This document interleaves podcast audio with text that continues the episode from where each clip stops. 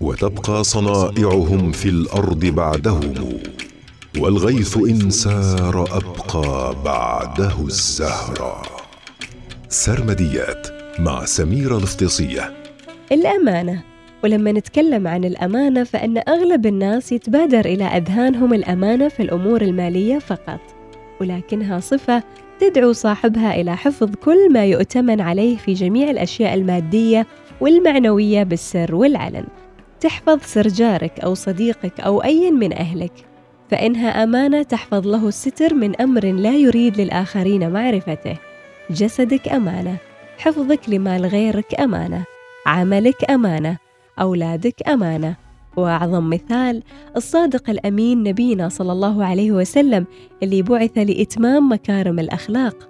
وفي سرمديات اليوم عن الأمانة يقول الإمام علي رضي الله عنه لا إيمان لمن لا أمانة له.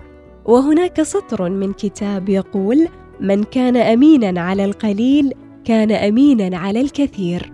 وهناك أبيات شعرية تقول وما حمل الإنسان مثل أمانة أشق عليه حين يحملها حملا فإذا أنت حملت الأمانة فاصطبر عليها فقد حملت من أمرها ثقلا.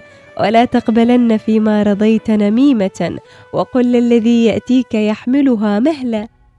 وهناك مثل أصله حديث شريف المجالس بالأمانة. سرمديات مع سميره الافتصيه يوميا في الأوقات التالية العاشرة وخمسة وعشرين دقيقة الخامسة وعشرين دقيقة الواحدة وأربعين دقيقة.